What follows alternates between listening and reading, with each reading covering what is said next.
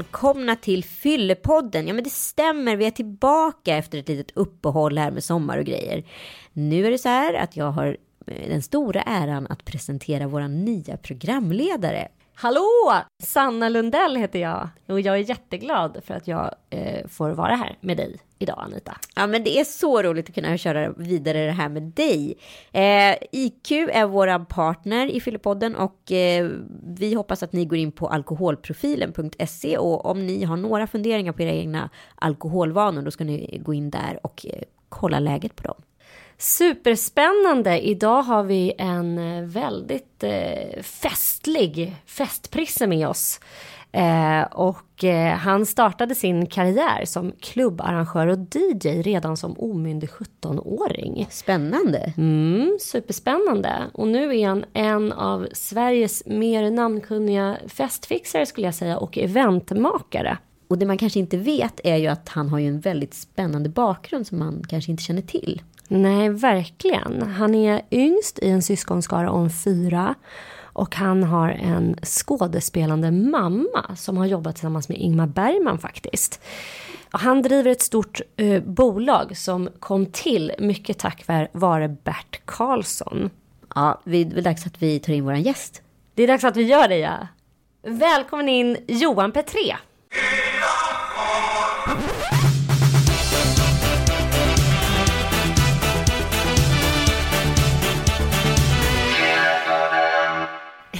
Och jättevälkommen säger vi till dig Johan Petré. Tack snälla du. Vi är jätteglada att du är här. Ja, det är kul att vara här. Eh, jag tänker bara rent spontant när jag ser ditt ansikte och eh, hör din röst så får jag tankar på fest och flärd.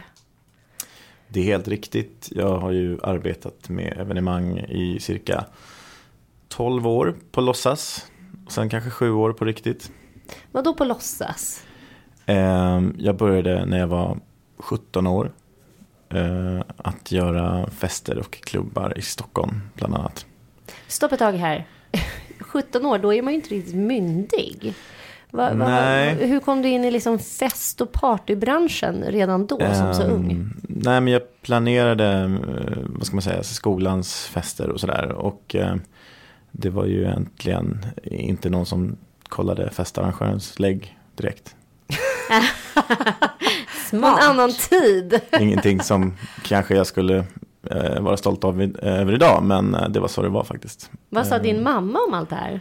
Ehm, nej, men eh, det var väl ingen fara så, så länge jag skötte mig och gjorde bra saker. Vilket jag gjorde. Jag hade ju stora fester med tusen personer innan jag var 18 år.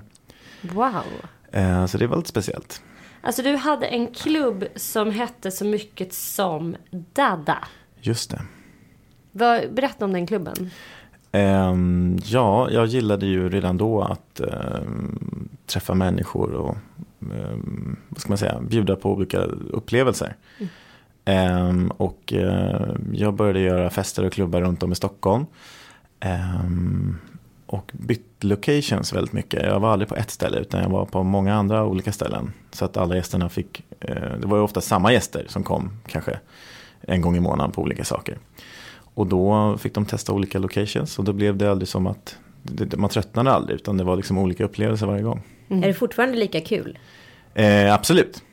Det är väldigt kul att kreera och hitta locations till olika, idag då företag som jag jobbar för. Men vad är det som är, vad är, det, som är det kittlande liksom i ditt arbete? Ja, det är väl att eh, ge människor en, en, en kul upplevelse helt enkelt. Eh, och komma på de här sakerna som folk kommer ihåg. Men om jag har 100 000 kronor och jag ska ha en eh, fest och jag fyller år och så säger jag så här, jag tycker om eh, allting som har med rosa att göra. Vad skulle Ja. du göra då på en elevator pitch? Det vill säga, du har 10 sekunder typ på dig att sälja in det här till mig. Oj, då skulle jag, är det hemma hos dig eller? Är det... Nej, det behöver absolut det inte. kan vara en, en plats någonstans. Ja, ja, vi lägger ut en rosa matta med rosa band och rosa ballonger och så kan vi ha en rosa bil utanför och så kan du komma i den här rosa bilen och så tar vi en bra bild på dig när du kommer där. Eh, Så att du verkligen eh, kan minnas den här eh, dagen tio år senare. Kul. Och sen är alla gästerna rosaklädda. Bra, gillar upplägget. Vi kör. Ja, Enkelt låter det ändå som. Ja, man måste ju våga ibland och bara köra. Men du, apropå bilder. Jag läste någonstans att det som var lite unikt med just din klubb eller dina klubbar och dina fester. Mm. Det var att du var väldigt tidig med de här mingelbilderna som Ja. upp på en hemsida. Ehm, Hur, hur kom du på det? Där var vi väldigt tidiga. Mm. eh, För vi visste att de här gästerna som kom på festerna ville ju se sig själva. Och vi var väldigt snabba på att lägga upp bilderna. eh, Redan då.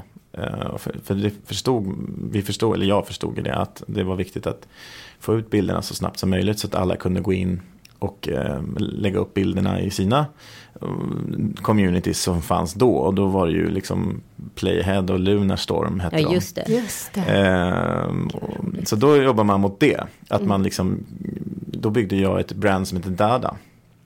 Och hade den här klubben då som flyttade runt. Ehm, idag finns det ju en, en grupp som heter Dada. Så man skulle ju nästan kunna tro att de fick lite inspiration. Aha, tror du att de fick det? Nej, det tror jag inte. Jag tror att de, de är nog lite yngre så jag tror inte de riktigt var med på den tiden. Men jag tycker ändå att det är väldigt så här innovativt eh, och kanske, jag menar med tanke på att du var väldigt ung, att komma på det här att människor älskar att bli fotograferade eh, och se sig själva på bild. Vad är det med dragningskraften i det? Vad tror, de, vad, vad tror du? Ja, men vi vill ju ha, vad ska man säga, vi vill ju visa upp oss. Alla människor tror jag vill visa upp sig på något sätt. Och, ja, vad ska man säga? Ehm, det är ju så det funkar i, i, i tidningarna och, och det som vi har idag. Mm. När man, när man går på mingel och vissa kanske inte alls vill vara med på bilder. Men jag tror att alla människor på något sätt någon gång i livet vill vara med på en bild. På något sätt. Sen så kanske man inte var med på alla bilder. Men Tror du att det ligger i så här människans natur att man vill visa upp sig? Peacock. Ja, det, det tror jag. Det, det är en svår fråga, men jag tror det. Men du, vi gör ju den här podden i samarbete med IQ. Så vi ska ju prata lite grann om alkohol också. Och Ja. för många svenskar, jag skulle säga nästan de allra flesta, så är ju fest synonymt med alkohol. Alltså ingen fest utan alkohol. För väldigt många i alla fall. Eh, så, så det verkar som att du arbetar och verkar i en väldigt alkoholstinn miljö. Mm. Hur förhåller du dig till det? Ehm, ja, det, är- det är klart att, att en, en, ett event eller en fest eh, kan förknippas med alkohol. Ehm, jag förespråkar ju att man inte ska dricka för mycket alkohol utan man ska ta det lite lugnt eh, med just den biten. Eh, för att ehm, eh, dels när man är på, på krogen eh, mer som privat så, så kan det ju vara så att eh, man, man gör bort sig helt enkelt när man dricker för mycket alkohol. Och eh, jag tror att eh, världen är mindre än vad man tror. Och eh, om eh, senare i livet om man ska gå på en arbetsintervju eller liknande så är du rätt så, eh, vad ska man säga, eh, fälld om du har gjort bort dig när du har varit ute för mycket eller liknande. Så det kan kanske eh, lägga krokben för många. Mm, men är det inte mycket liksom frestelser i att ta en skål med en och annan person på, i jobbet liksom och så slutar det med att det blir hundra skålar för att alla vill säga hej till dig. Um, ja, jag försöker inte dricka så mycket alkohol på våra event eftersom vi har hand om företagsvarumärken. Uh, och då, då blir det ju liksom en helt annan seriositet om jag skulle börja dricka och vara berusad på våra event. Det, men det är klart att det har hänt att jag tar kanske något glas när mm, 75% av gästerna har gått. Mm. Och eh, jag vet att det är några kvar som, ja, vi, vi ska gå ut och ha en kul kväll. Ehm, Men tar inte det också lite udden av festen? Och det inte det som var liksom drivkraften och passionen från början? Nej, drivkraften från början var väl egentligen att skapa evenemang. Eh, Mm. och det var ju aldrig, drivkraften var ju aldrig att bli berusad. Nej, men eh, att det Ehm. ingår i paketet så att säga. Mm, Ja, fast jag tycker ändå att jag har valt bort det. Allt sånt där som har med rusningsmedel att göra. Eh, Varför då? Nej, men jag tycker att ehm, jag har klarat mig bra utan det helt enkelt. Jag behöver inte det. Ja, det är ändå så intressant och paradoxalt i den världen du befinner dig. Ja, alltså vissa av mina kollegor de är ju eh, helt nykterister. Ja, det är så. Ja, eh, och vissa är ju eh, kanske dricker lite för mycket. Eh, Jag tror att jag har hållit mig på en nivå som är eh, eh, ja, helt okej. Eh, Jag har aldrig, vad jag vet, eh, varit eh, f- berusad till det sättet så att folk Så inte förstår vad jag säger. Mm. eh, på ett event. Vad gör man när gäster kommer och är liksom jättefulla? Det händer väldigt sällan. Jag tror jag har varit med om någon gång att det var någon eh, Robinson-vinnare för några år sedan som var på något event som blev för berusad. Men vi tog tag i honom och sa att det, det är nog dags för dig liksom att gå hem nu för ditt eget bästa skull. Eh, och han tog eh, det väldigt bra. Så att... Det är typ enda gången. Jag tänker, jag menar, du Ja. har ju ändå fester där man bjuder på en hel del alkohol. Är det inte många som har svårt att hantera den här fria tillgången? Eh, och liksom, ja men bara så här, det har hänt mig flera gånger ska jag, ska jag erkänna när jag har varit på kändisjippon. Att liksom, oj, rätt vad det är så är man lite för berusad. För att man bara så här, Jag tror att okynnesdricker. Jag tror att tidigare under 2000-talet eh, så kanske festerna var på ett annat sätt. Jag tror att festerna har börjat bli lite mer restriktiva. Jag tror inte man bjuder på lika mycket idag. Vi försöker eh, inte bjuda på för så mycket. Utan då, om, om gästen vill köpa de här glasen som, som eh, ja, man kanske bjuder på två glas max. Och sen så får gästen köpa. Och då är det gästens ansvar att helt enkelt ta hand om det. Men har man liksom infört det lite grann för att man har sett att det har varit ett problem? Eller har man gjort det av snålhetsskäl? Eh, Nej, alltså jag, jag tycker oftast att öl och vin eh, är ett bra sätt eh, att bjuda dryck på. Eh, Medan kanske stark sprit har vi nästan aldrig. Nej. Bubbel har vi ju då. Men Är det så att gratis är lite gott så att folk dricker mera ifall det är gratis och så sätter man någon typ av begränsning så backar människor lite, alltså omedvetet. Jag, jag, tycker att ett event är mycket trevligare om, om gästerna inte är så berusade. Såklart. Så det är just därför också vi kanske inte har så himla mycket bjud.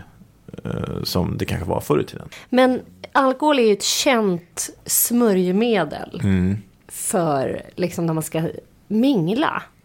Man blir lite mindre blyg, man är lite mer avslappnad, man är lite mer liksom mindre neurotisk eller vad man ska säga kring mingelsituationen. För många tycker att det är lite jobbigt att mingla runt. Liksom, hur ska man göra? Vad gör man? Så.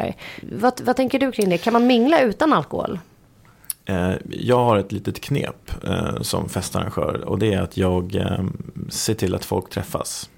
För att det är oftast det som är poängen med att gäster går på ett event. Och jag sätter ihop två människor, presenterar dem för varandra och sen smiter jag.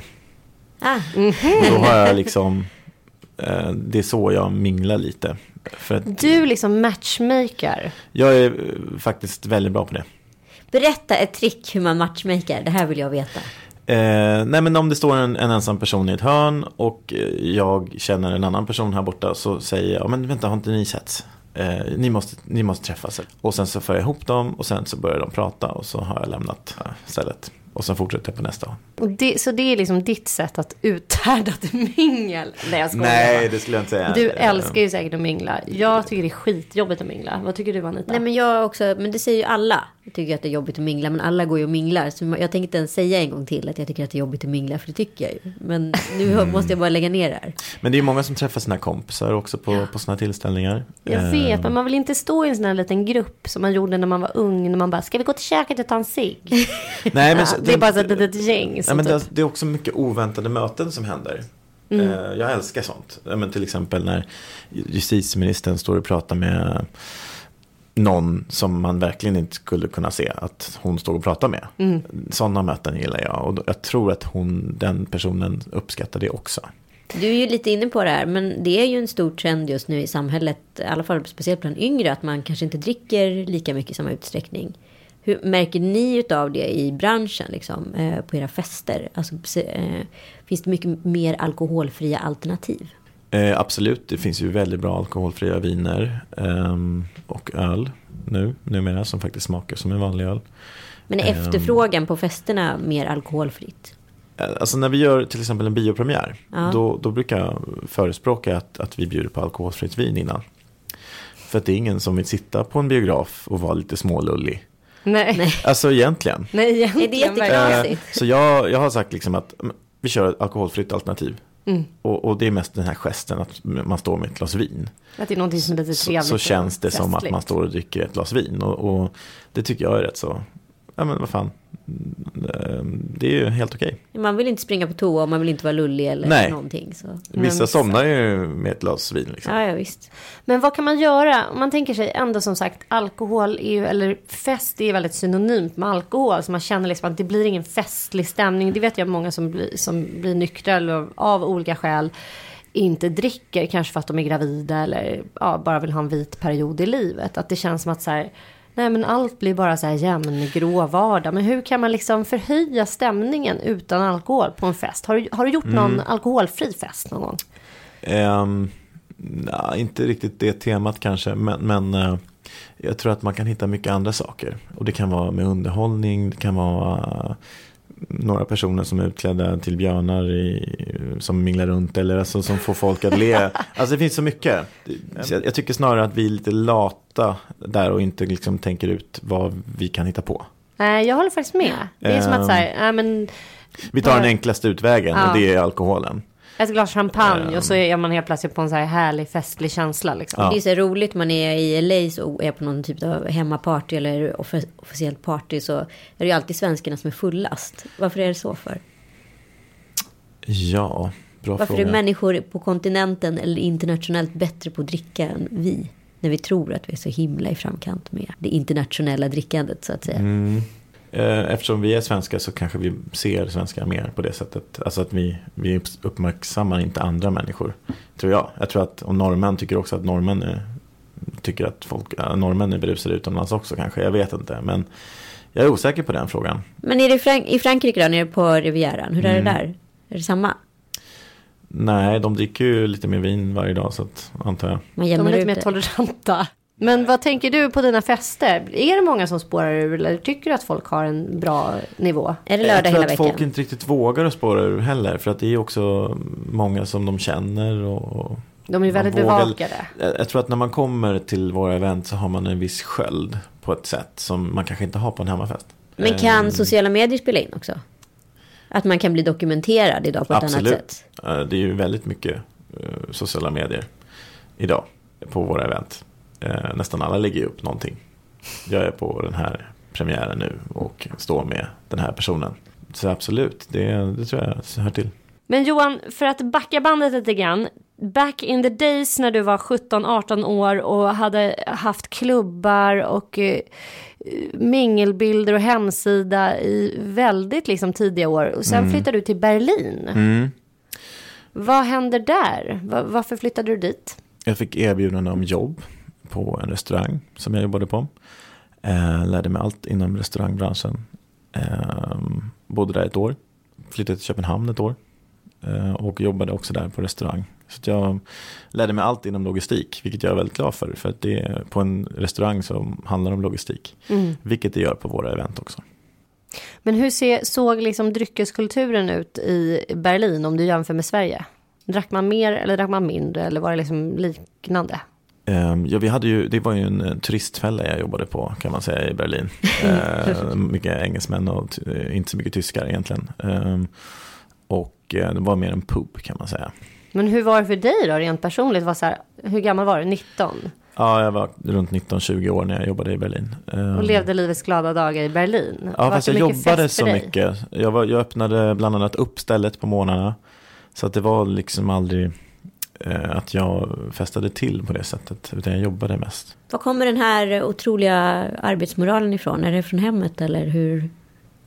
Nej, jag älskar att arbeta. Ja. Ehm, Vad börjar i? Ja, jag kanske har lite bokstäver. Helt enkelt för många. Nej då. Nej men jag tycker det är himla kul att arbeta. Jag tycker det är kul att, att um, göra saker. Jag tror att det ena ger det andra hela tiden. Eh, precis som när vi gör ett event. Då tror jag att när vi gör det här evenemanget så får vi en annat roligt evenemang. Det är precis som när man jobbar. Man träffar en massa människor.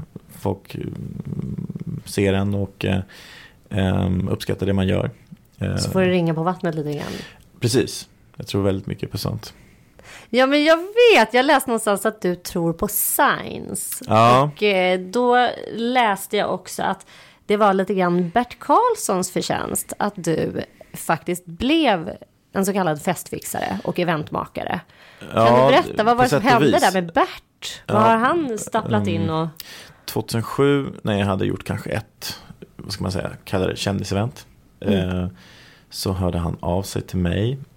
Och eh, då var inte jag riktigt van vid att en sån person bara ringer upp mig.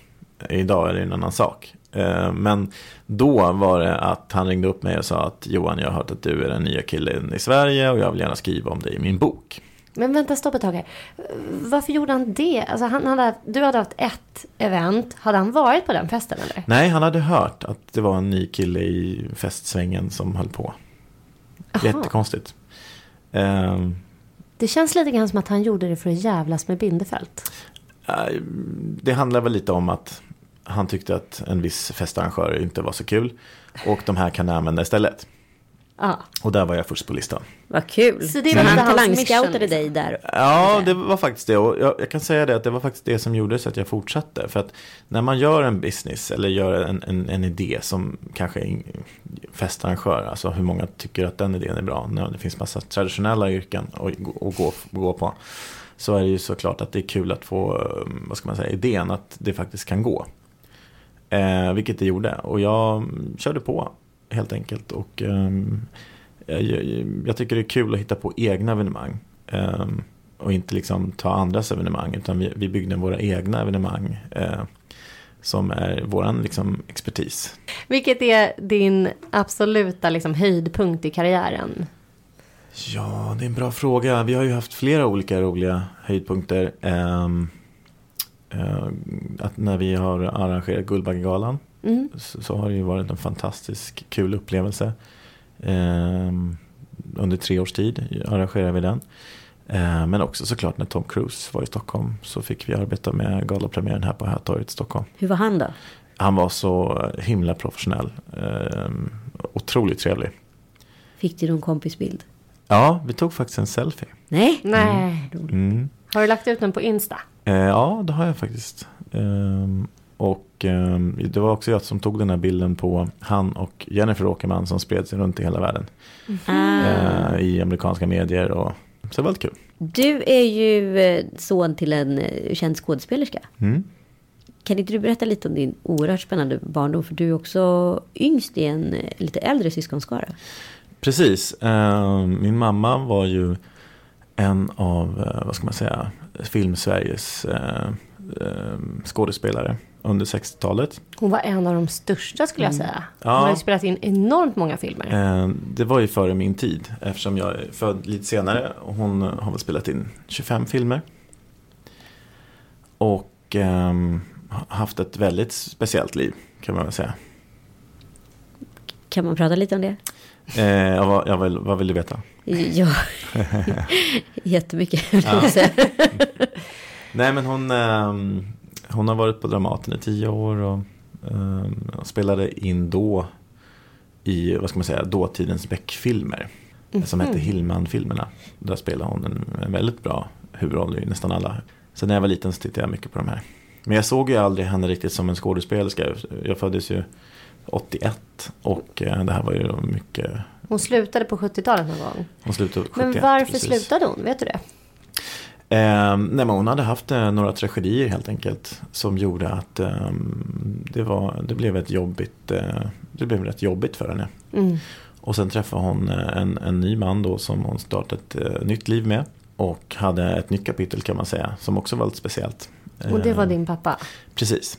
Och tillsammans med honom fick hon då fyra barn. Ja, Och du är yngst av fyra. precis. Men under 80-talet Mm. så startade ju de någon slags antipolitiskt. När man googlar dig och hittar din mamma och pappa så ser man att de har ju varit väldigt politiska. Mm. Eh, de har drivit en, eh, kan man säga, en anti-Palme-kampanj. Mm. Hur, hur mycket av det liksom upplevde du och förstod när du var liten?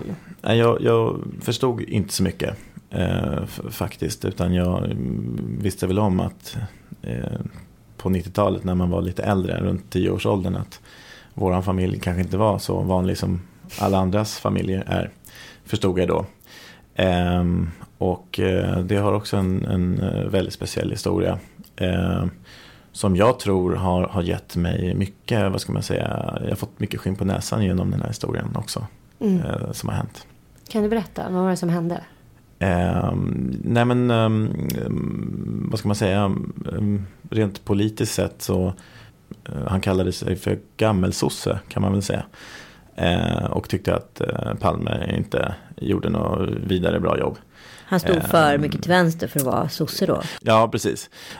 Och han genomförde då en kampanj tillsammans med min mamma. Mamma var väl egentligen inte riktigt, vad ska man säga, heller så intresserad. Eh, men eh, hon, många tror ju att hon skrev under, vilket hon gjorde. Mm. men egentligen var det ju hans, vad ska man säga, ord. Han drev på det väldigt mycket. Han drev på det väldigt mycket och använde hennes namn för att få ut det. För att hon var ett känt ansikte? Precis. Mm. Ehm, men hon, hon var ju egentligen rätt så ointresserad. För hon var ju skådespelerska och intresserad av andra kriterier i livet. Mm. Ehm, och eh, eh, sen var det ju en viss tragedi då, 86, som hände och jag var fem år då. Mm. Ehm, Palme mördades helt enkelt. Ja, och då det slutade väl egentligen med att min pappa blev eh, psykiskt instabil. Efter hela den grejen? Jag vet inte exakt när, men det, det, blev en jobbig situation för oss och min mamma och pappa skildes 98 och då var jag 16 år.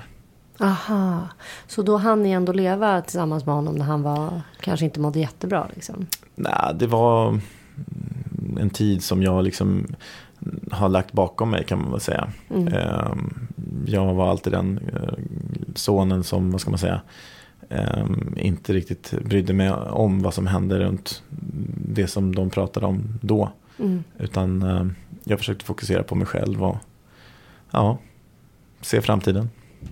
Men det känns ändå som att det, det finns en väldigt eh, stor styrka i dig. Att du har bara så klarat av och bara utåt sett så jag hade aldrig kunnat gissa det här om, om dig. Att du hade en sån här bakgrund som ändå varit ganska mm. tuff. Liksom. Mm. Eh, som att du kanske har maskerat det på ett väldigt bra sätt. Eller mm. haft en väldigt bra överlevnadsstrategi. Liksom. Jag tror jag har haft en, en rätt bra strategi. Helt som du säger. Det är också en urkraft måste vara. Man, där har man ju också med sig på något sätt. Alltså man, man, vissa väljer ju bara att lägga sig ner och gå under efter en smäll. Jag tror att man måste ha egna värderingar eh, rätt så snabbt i livet. Och min mamma har varit en väldigt stor förebild för mig. Och eh, haft rätt värderingar.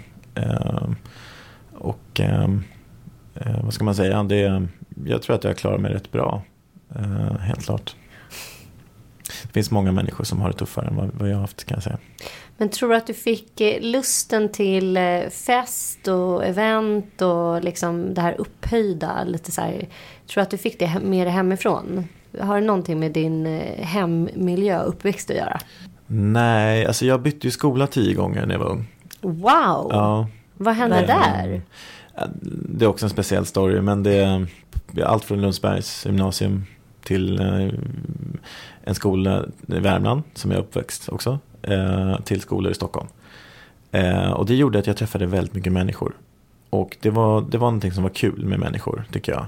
Eh, jag älskade att träffa och fortfarande älskar att träffa nya människor och knyta nya kontakter och, och så. Um, och när, jag tycker det är kul när mina kompisar får träffa varandra också. Mm. Så det blev liksom en, en, vad ska man säga, en, en kraft som var väldigt spännande. Men är, är dina föräldrar också så här översociala?